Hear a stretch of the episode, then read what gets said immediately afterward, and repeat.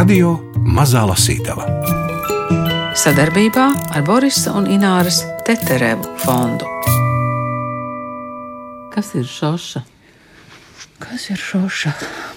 No vienas puses šoša ir galvenā varoņa Arona Greitingera bērnības traucene. Viņa ir drusciņā vientiesīte, vai ļoti vientiesīte. Kaut kādā ziņā tīrs un nesamaitāts cilvēks, bērns, kas izaug un paliek tikpat tīrs un nesamaitāts un tikpat kaut kādas pasaules neskārts. No otras puses, šoša, protams, ir simbols. Stāsts par šošu ir stāsts par visu šo austrumēropas ebreju kultūru, kura acīm redzami izzūd acu priekšā, bet pie kuras varonis un arī pats rakstnieks turas un no kuras negrib atteikties, kaut arī visu apkārtējo acīs tā ir ģeķība un muļķība, un vajag taču. Vajag taču, kā, teikt, kā tagad saka, iet uz priekšu, ja? bet uh, viņš nav gatavs atteikties no tā, kas viņam ir dārgs un svarīgs, lai cik ne no šīs pasaules tas varētu būt. Tūkotāja Māra Poļakova palīdz saprast, kas ir Zingera šoša. Šis romāns tagad izdots arī latviešu valodā viņas un Irēnas Birzvalks tulkojumā, bet sava pieredze ar Zingeru ir arī Gundaram Āboliņam. Jā, mēs jaunajā Rīgas teātrī esam iestudējuši vairākus darbus, Zingera stāstus. Pirmā izrāde bija Kabalas noslēpumi, tas jau bija pirms krietni laika, un tagad tie gadi ir sajukuši. Un tajā bija iekļauti pieci izsaka Baševijas Zingera stāsti. Jā, tur bija tāda caurvijoša tēma par, par uzticību, par mīlestību. Visi šie Zingera stāsti ir ļoti dīvaini no mūsu ikdienas pieredzes skatoties. Kaut kas tajos ir ļoti aizkustinošs un komisks, un tāpat laikā traģisks. Un tagad jaunākais darbs ir izrāde Vēlā mīla, kurā arī ir divi. Tas ir divu viencēlienu vakars un divi stāsti. Vēlā mīla un spiritiskais seans. Un um, Aulis Harmans man uzticēja abus šos materiālus iztulkot. Nu, tā es pamatā ņēmu savas valodas zināšanu drum, drumslas vairākās valodās un mēģināju atzējot. Es nevaru teikt, ka tas ir tulkojums. Tas drīzāk šāda literatūra varētu drīzāk būt tam, ko sauc par atzējošanu. Jo teātris specifikai tas, ko var nospēlēt, to nevajag stāstīt. Un no tā izējot arī drusku rodas pielāgojums šādiem nosacījumiem. Bet nu, katrā ziņā šoša mūsu izrādē kabalas noslēpumu šošas lomā bija Regīna Razuma. Un teātris muzejā, Smilģa dārzā, tur augšā. Eh, kad Regīna saņēma balvu, mēs iestādījām tur rozīti, šoše. Tā kā šoše ir vairākās vietās atstājusi piemiņu par sevi. Kāpēc ap romānu šošē ir tik daudz stāstu un versiju? To, protams, vislabāk zina tulkotāja Māra Poļakova. Tāpēc, ka ir divas šošas jau oriģinālā. Pirmā šoša ir sarakstīta Jidišā, um, publicēta slavenajā jidišā laikrakstā Forwards 1974. gada numuros, ceturtdienu un piekdienu numuros. Bet um, ņemot vērā, cik maz ir jidišu lasītāju, salīdzinoši ar tiem, kuri lasa angliski, ar autora paša līdzdalību ir uh, tapusi šošas versija angliski. Lielākoties nu, visi domā, ka tas ir tulkojums, kuru viņš daļai pats ir tulkojis. Tomēr nē, tā ir cita teksta versija. Tas ir uh, faktiski cits teksts. Jīdišs tā ir austrumēropas ebreju valoda, pareizi? Jā. Ja? E, tad um, kāda versija ir šeit? Šeit pamatā ir angļu versija. Jo uh, pāriet uz jīdišu versiju nozīmē, piemēram, atteikties no brīnišķīgās pirmās nodaļas. Ar to fantastiski skaisto pirmo teikumu es uzaugu ar trim mirušām valodām. Mm -hmm. Tas un, nav tajā angļu versijā. Tas ir tikai angļu versijā. Jīdiša versija sākas, jīdiša sākas ar otro nodaļu. Mm. Un šo te viņš ir uzrakstījis angļu versijā. To mēs neviens nebijām gatavi upurēt. Un otra lieta, ka nu, jēdišu versija ir pilnīgi, pilnīgi, pilnīgi cits teksts. Cik es zinu, ir bijis viens tulkojums, kas ir pilnībā tapis no jēdišu versijas. Pirms nepilniem gadiem desmit Krievijā iznāca. Citu tulkojumu no jēdišu versijas nav bijis. Tātad pamatā ir angļu versija, un, un šur tur, kur tas likās nepieciešami, iederīgi, papildinoši un visādi citādi skaisti un labi tur ir ņemts no jidišu versijas. Jo, piemēram, ir daudzas lietas, kuras no angļu tulkojuma vienkārši nav iespējams saskatīt. Teiksim, to, cik īpatnēji runā viens no varoņiem, kura jidišā nemitīgi ir prasti brutāli aizguvumi no angļu valodas. No angļu tulkojumā to vienkārši nevar parādīt. Vai, teiksim, to, kā Ārons uzrunā Fetelzonu uz jūs, un Fetelzons viņam atbild uz tu. Kaut ko tādu tas nav iespējams. Nu, nav iespējams parādīt, vai ne? Bet latviešu mēs varam šo atšķirību, šo, šīs nianses parādīt, un tādēļ arī ir vērts skatīties. Nu, tajā īdišu tekstā, no kura to var paņemt. Man nav ko stāstīt. Esmu Krievijā spēlējusi jidišā un arī krieviski, bet tāda jau ir tā mana nelaime. Vēl pirms biju sākusi spēlēt, ap mani jau bija vesels intrigu tīkls. Tā arī nesapratu, kāpēc. Es neaugstu pēc varas, neesmu bagāta, nekad neesmu mēģinājusi nozagt kādai vīru vai mīļāko. Vīrieši sākumā izturējās pret mani ar uzmanību, bet, kad es turēju viņus pa gabalu, uzreiz kļuva par maniem ienaidniekiem. Visas sievietes bija gatavas, kā saka, noslīcināt mani karotē ar siltu ūdeni. Tā tas bija Krievijā, un tā tas bija Amerikā, un arī šeit, Varšavā, būs tas pats. Tikai šeit, cerams, nebūs tādu, kas ar mani varētu konkurēt. Ja kāds pateiks kaut vārdu pret manu betīju, es viņam acis izduršu, kaut tas būtu pats dievs, kliedza Sems Dreimens. Šeit es būšu tavs boss un aizstāvēšu tevi pret visiem taviem ienaidniekiem, lai viņi deg kā svece. Šeit viņi tev kājas bučos. Es negribu, lai kāds man bučo kājas. Es gribu tikai vienu, lai man liek mierā, un varu spēlēt ar mierīgu prātu. Tu spēlēsi, Betī, darling, un visa pasaule uzzinās, cik diža tu esi.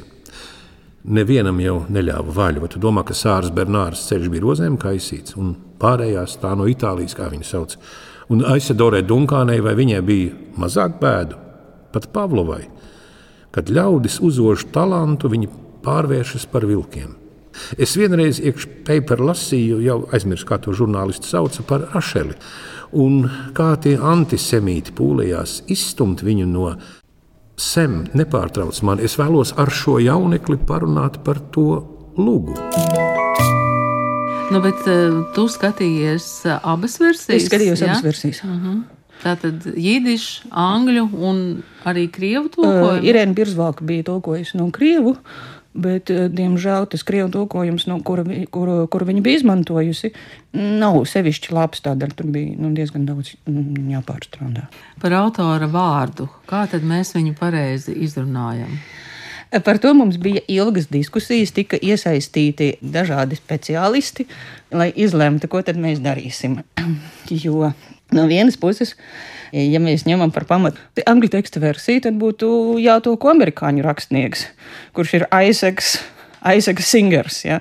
No nu, otras puses, nu, tas kaut kā nelikās pareizi ne pret ko. Ne pret viņu, ne pret valodu. Arī, teiksim, nu, tajā izšķirtajā versijā ir vairākas iespējas, kā to izrunāt. Jītshoks, Īzaks, pēc Bībeles tulkojuma, kā mēs esam pieraduši šo vārdu atveidot. Singers, Zingers, tur variantu bija ļoti daudz beigās izdevniecības direktora Dācis Parāni teica, būs tā. Pieņēma galīgo lēmumu, kurš nesakrīt ar manējo. E, kāpēc ir tā versija, ka mēs tikpat labi varētu teikt arī amerikāņu rakstnieks? Īstenībā e, Zingars par rakstnieku kļuva jau tad, kad viņš bija emigrējis uz Ameriku. Viņš turpināja rakstīt īdišā. Viņš nu, uz angliski viņš nu, tā pilnvērtīgi un patstāvīgi īsti tā arī nesāka rakstīt. Nē, sāka, bet nu, vēlākajā, vēlākajā daļradas posmā tajā periodā, kad viņš uh, dzīvoja vēl Polijā, viņam iznāca viens. Viens romāns, viņš galvenokārt bija žurnālists un iesācējs rakstnieks.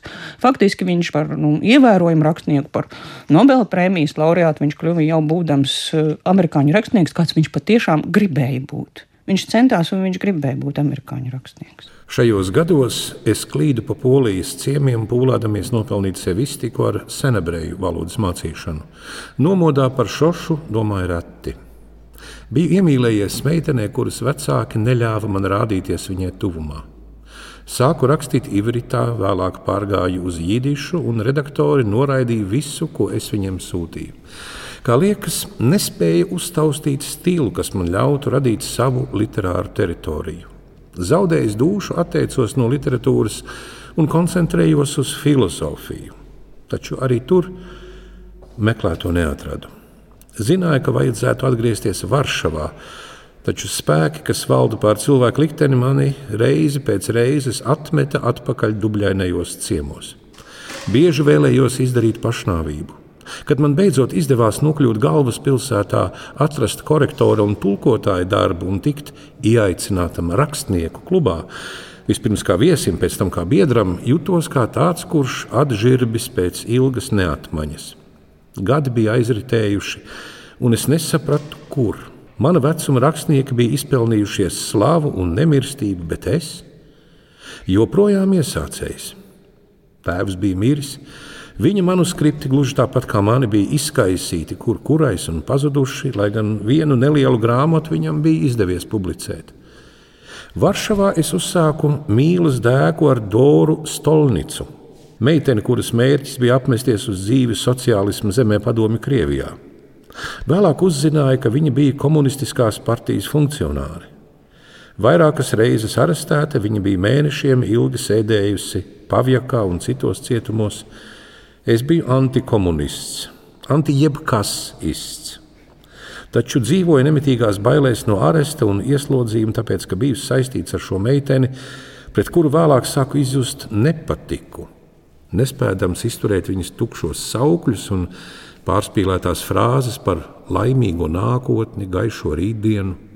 Tās ebreju ielas, kurās es tagad staigāju, atradās turpat līdzās Krohmalnai, taču es nerādījos tai tuvumā. Teicu sev, ka man vienkārši negadās iegriezties tajā pilsētas daļā, taču noteikti bija citi iemesli. Biju dzirdējis, ka puse no ielas iedzīvotājiem esot nomiruši no tīfa, gripas epidēmijā un badā. Zēni, ar kuriem kopā bija mācījies Hederā, bija dienējuši Polijas armijā un gājuši bojā 1920. gada poļu bolševiku karā. Vēlāk Krohmalnas iela bija kļuvusi par komunisma perēkli. Tai apkaimē visu laiku notika komunistu demonstrācijas. Jaunie komunisti izkāra sarkanos karogus pār telefonu un tramvaju vadiem, pat uz policijas iecirkņu logiem. Tā sauktajā laukumā teritorijā starp 9 un 13 numuru, un zaņķī, kurā apgrozījās zagļi, suteneri un maukas, tagad tika plānota biedra Staļina diktatūra. Policija mūždien rīkoja kratīšanas, tā vairs nebija mana iela. Neviens neatcerētos nec mani, nec manu ģimeni. Domājot par Krohmalnu, man bija tāda savāda sajūta, ka mana turienes pieredze ir kaut kas pilnīgi nesaistīts ar pasauli. Man bija nedaudz pāri 20, taču likās, jau esmu vecs vīrs. Krohmalnas iela bija kā dziļš slānis arheoloģiskos izrakumos, slānis, kuru es nekad nespēšu atsekt. Taču manā atmiņā bija palicis katrs nams, katrs pagalms, katrs heders, kā hasīdu beismedreša, tirgotava, katra meitene, ielas dīgdienas, namamāte, viņu balsis, žesti, runas manieres, viņu dīvainības.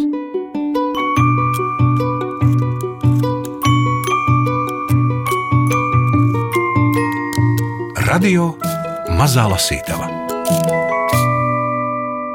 piezīmes. Man šķiet, ka tā varētu būt atsevišķa sadaļa, kur katrs vārds, kas tiek izskaidrots, mums tomēr ir ļoti, ļoti svarīgs.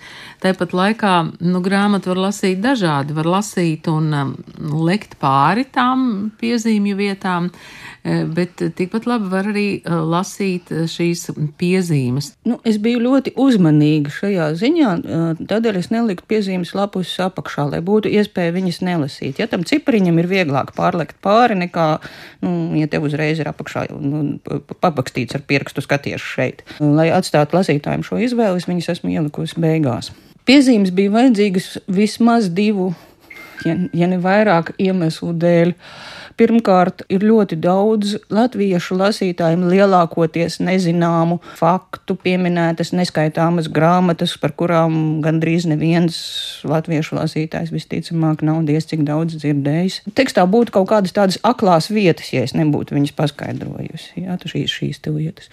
Otrs ir tas, ka es izlēmu īpašus vārdus, nosaukumus, visu ar Austrumēropas eh, ebreju kultūru saistīto leksiku rakstīt saskaņā ar izrunu iedišā, un arī pie šīm te vārdu formām latvieši nav pieraduši. Nu, piemēram, nu, piemēram Īzaks Ietshoks. Jā. Piemēram, nevis sābas ķēniņiene, bet šeivas ķēniņiene. Ja? Tur bija ļoti, ļoti daudz tādu vietu. Vide, kur notiek romāna darbība, tā, tā ir Polija? Tā ir Varšava. Tas tā ir, ir Varšava. Uh, eb, ebreju rajons Tagad mēs teiktu, pirmskara Varšavā. Ja? Jaunais rakstnieks, kas dzīvo Varšavas ebreju rajonā, tas tiešām varētu būt daļēji viņš. Ja? Bet es tur neielasītu sevišķi daudz tādas precīzas autobiogrāfijas, drīzāk tādu stipri universālāku uh, varoņu tēlu es redzētu šajā gadījumā. Katra diena, ne katra stunda uzrādījās ar jaunu krīzi, taču es jau biju puslīdz pieredzējis pie briesmām, kas piederēja pie mana likteņa. Pats sevi salīdzināju ar noziedznieku, kurš zina, ka tiks notverts un notiesāts, taču pagaidām vēl brīvā būdams tērēs savus laupījumus. Sems Dreimans bija man iedevis vēl vienu avansu, un Betī bija burtiski pārbūvējusi manu lugu, lai tā atbilstu viņas iegribām. Viņa bija ieviesusi jaunus varoņus, pat rediģējusi manu valodu. Es atskārtu, ka rakstīt kaisli var sagrābt katru, kas spējīgs noturēt spalvu skātu. Bet tī bija drāmā ieviesusi vairāk darbības, pat pierakstījusi klāt dziesmu tekstus, tikai nu, luga vairs neturējās kopā. Lai kā Betija zobojās un ņirgājās par amerikāņu īdišu, nu viņa bija amerikanizējusi manējo. Aklais muzikants tagad deklamēja kā operetes ļaundaris. Fricis Banders, kuram bija jāspēlē bagātais hasīts, kas iemīlējies Ludmīras jaunavā, uzstāja, ka viņa lomai jābūt nozīmīgākai, un Betija atļāva viņam paplašināt savu tekstu ar gariem monologiem. Banders vēl mazliet atcerējās halīciešu, jidišu, un to papildināja ar vācu vārdiem. Viņš pieprasīja arī lomu savai vācu mīļākajai Grētelei, kura jidišu neprata, taču Banders apgalvoja, ka ebrejiem bieži esot bijušas vācu kalpones, un tā būtu loma, kuru varētu nospēlēt Grētele. Betī bija likusi ar rakstām mašīnu nodrukāt lūgu vairākos eksemplāros. Vienu viņai pašai, vienu Semam Dreimanam, vienu Fricim Banderam, vienu režisoram Duvidam vai Davidam Duvidam Lipmanam, vienu man un vēl pārējiem. Kad katrs bija to labojis un papildinājis, teksts atkal tika pārrakstīts, un labošana sākās ar jaunu spāru. Sems Draimans bija noīrējis teātris Smočas ielā un pasūtījis dekorācijas, kaut arī vēl nebija atrisināti paši galvenie ar iestudējumu saistītie jautājumi. Aktieru arotbiedrība pieprasīja, lai Lugā tiktu nodarbināts daudz lielāks skaits aktieru un aktrišu, kā arī statistu. Bija spiests pierakstīt klāt lomas Šamesam, ārprātim un Misnagedam, kurš spļāva uz hasīdiem. Lūga bija izaugusi tik liela, ka tika izmests dialogs, bez kura saturiski nevarēja iztikt. Tieši tā notiek teātrī. Jā. Dora bija palikusi sēžama uz gultas malas. Es devu Betijai savu krēslu un piesēdu uz sola pie mazgājumā galdiņa. Betija runāja par amerikāņu rakstnieku Jūģinu Onīlu, kura lūgu mīla zem gobām. Kāds viņai esot pārtulkojis jidišā, un viņai tajā jāspēlē Varšavā. Viņa sacīja, es zinu, ka tā būs izgāšanās. Jūģinu Onīlu nesaprot pat Amerikā, kā tad viņi varētu saprast Varšavas ebreji. Piedāvām arī tulkojums nav labs. Taču Sems ietiepās, ka pirms mūsu atgriešanās Amerikā man būtu jāspēlē teātrī Polijā. Eh, kā es apskaužu rakstnieku? Viņam parasti nav nekādu darīšanu ar cilvēkiem. Sēž savā istabā ar papīru un spalvu un raksta, ko grib. Turpretī aktieri vienmēr ir atkarīgi no citiem. To es nolasīšu divreiz. Turpretī aktieri vienmēr ir atkarīgi no citiem. Man dažkārt uznāk vēlēšanās rakstīt. es jau esmu mēģinājis uzrakstīt lūgu, pat romānu bet pēc tam izlasu un man nepatīk, un es turpat uz vietas visu saplēšu. Cucik, vai drīkstu joprojām saukt tevi par cuciku? Te polijā ar katru dienu kļūst aizvien ļaunāk. Man brīžiem bail, ka mēs varam te iesprūst. Ar amerikāņu pasu jums nav ko baidīties, iebilda Dora. Ar Ameriku pat Hitlers negribēs nīsties. Kas ir pase? Papīra gabals. Un kas ir luga? Arī papīrs un recenzijas papīrs. Nu, un ceļojuma čeki un pat nauda arī ir tikai papīrs. Es reiz nespēju aizmigt, pēdējā laikā vispār neguļu un sāku domāt, reiz bija akmens laikmets, un tad mēs dzīvojam papīra laikmetā. No akmens laikmeta ir saglabājušies daži darbarīgi, bet no papīra laikmeta nekas nepaliks pāri. Ja mēs aizbraucam uz mūsdienu Varšavu, vai mēs uh, varam atrast uh, tādu Krahmanas ielu? Uh, jā, Mūsdienu Varšavā diezgan cītīgi mēģina parādīt to uh, zudušās ebreju kultūras pēdas, bet, nu, protams, ne jau tādas, kā, kā, kā grāmatā ir attēlots. Tas tiešām ir pilnīgi, pilnīgi, pilnīgi zudis. Zingera šošu mēs lasījām tad, kad radio mazā lasītāva šovasar bija aizceļojusi uz Sabili. Tur lasījām arī Viktora Freiberga un Daniela Zatsmanas grāmatu Vakar, šodien, rīt. Tā ir īpaša grāmata visiem, kuri pazina profesoru Viktoru Freibergu. Viņam 28. septembrī būtu dzimšanas diena, pirmā bez viņa, bet ar viņa grāmatas atvēršanu izdevniecībā Aminorī. Par sadarbību ar Viktoru Freibergu un grāmatu, kura ievilina kā Alisi Truša alā skatīties filmas, stāsta Daniela Zatsmane. Varētu uzreiz arī iestarpināt ar vienu Viktoru Freiberga pašu. Viņam bija brīnišķīga humora izjūta. Stāstu, jo kino galerijā viņš tulkoja nevis no kabīnes, bet tu- turpat no aizmugures. Tā tāda maza zālīte, ļoti mīļa. Un Viktors Freibergs tulkoja filmu, un tad kaut kādā brīdī piecēlās sieviete no priekšējiem sēdekļiem un teica, vai nevarētu palūgt, lai tas cilvēks tik skaļi nerunā. Bet vispār viņa balss ir kino balss, un arī lasot rakstīto tekstus, es vienmēr sadzirdu šo brīnišķīgo, ieinteresēto, bet jāatzīstas arī ironisko par daudzām lietām toni. Jā, tā bija tāda skumja sakritība, ka grāmatai bija jāiznāk decembrī, bet mēs arī tā īpaši nesteidzāmies, gribējās, lai sanāk tā kā patikt. Un, Un sakrīt tā, ka grāmata atnāca un Viktors aizgāja, bet viņš redzēja maketu, atrakstīja, ka viņam ļoti patīk un īpaši viņam patīk zīmējumi. Un eh, es atzīšos, ka mums bija sākumā tāda doma, ka tas vārks būs tāds snobisks, tātad bez zīmējumiem un ar uzrakstu. Un tad Bruno uztaisīja citu variantu, un Viktors atrakstīja, viennozīmīgi man patīk daudzonīgais. Tas ir šis, kaut kādā ziņā var teikt, ka grāmatu viņš ir redzējis, un uh, viņam tā patika. Un, um, nu, es kaut kā to arī saredzu, ka šī mūsu draudzība materializējās uh, grāmatā, un par to es esmu ļoti, ļoti pateicīga. Vecmeita Žants Pjērs Blāns 1972.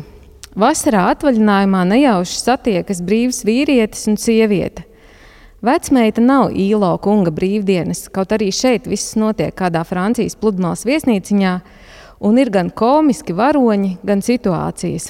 Un tomēr gribas domāt, ka tieši īlo kungs atstājas iespaidu un labvēlīgu skatījumu uz visu veidu tipāžiem, īpaši vasarā un pludmalē. Vecmeitā komisms nolasāms gan atkārtotās darbībās, neveiklā pārģērbšanās, kafija gultā un citas, gan valodā. Kāds nepatīkams subjekts, nodomā Bušonas pusmūža jaunkundze. Mūžā neesmu redzējis tādu mūmiju, nodomā Markas Usa kungs, kad abi pirmo reizi satiekas pie pusdienu galda viesnīcā. Filipa no Rē varonis, lielais, draudzīgais un simpātiskais vīrietis, rada smieklīgu kontrastu ar Annijas Žirardo mazo un naturīgo sievieti. Viņa ir noslēgta, viņa ievēro režīmu, vārdu sakot, viņa ir vecmeita. Tagad teiktu neatkarīga sieviete, bet 70. gados tā nebija. Kad no Rē viņai stāsta par dīvaino teoloģijas profesoru un viņa sievu, kuri arī apmetušies viesnīcā, Žirardo jautā, vai tad mums visiem nav savas dīvainības? Filmā ir daudz smalku detaļu, tā nesteidzas, un tā, tāpat kā tās galvenie varoņi, neuzdodas par ko lielāku nekā tie ir. Bušonis Jaunkundze un Markasusa kungs nevis gari un ilgi apspriež savas jūtas un nākotnes plānus, bet pirms atvedām stacijā pārmīja vienīgi pāris teikums. Vienmēr elegantais Gabriels tobrīd ir uzvilcis dzeltenu tēkreklu, uz kura uzzīmēta milzīga jautājuma zīme.